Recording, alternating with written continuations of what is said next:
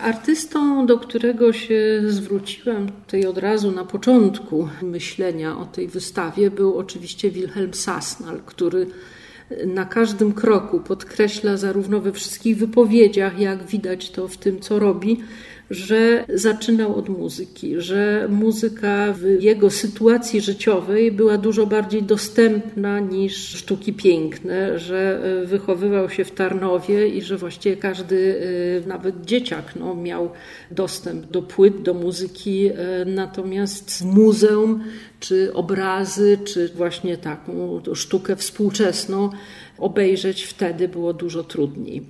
Sasnal współpracował blisko i dalej współpracuje z kilkoma zespołami muzycznymi.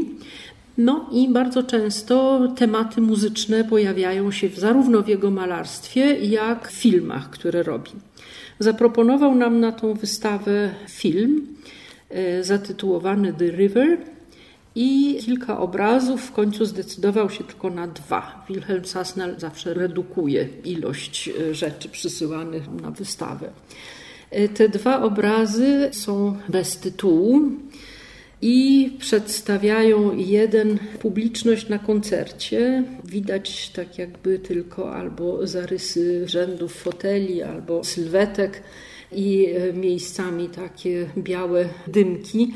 Obraz, tak jak często się zdarza Sasnalowi, jest właściwie wirtuozerskim rozegraniem powierzchni malarskiej w czerni i właśnie tylko z elementami bieli monochromatyczny. To jest ogromnie trudne ze względów technicznych do, do zrobienia.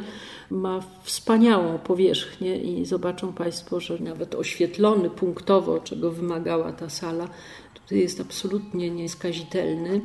I drugi obraz, mm, ogromnie zabawny, przedstawia na żółtym tle czarne kocisko, które się wyleguje na wieży.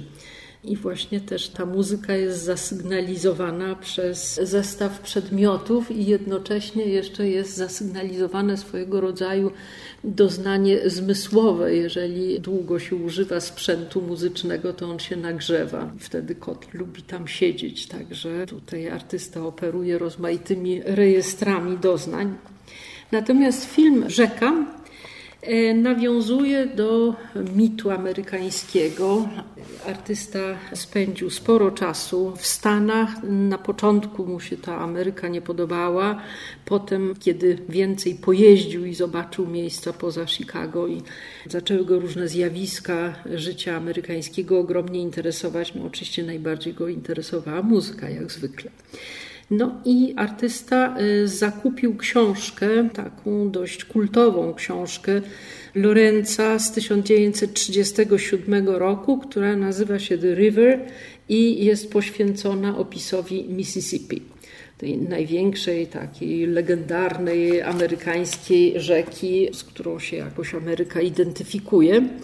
No i ta y, książka jest jak gdyby tekstem tego filmu. Ją czytają i wykonują artyści kilku grup z rozmaitych miejsc, również artyści polscy. Także to jest montaż polegający na zbliżeniach, na bardzo powolnym ruchu kamery, na e, właśnie takim solennym posuwaniu się opowieści o rzece Mississippi.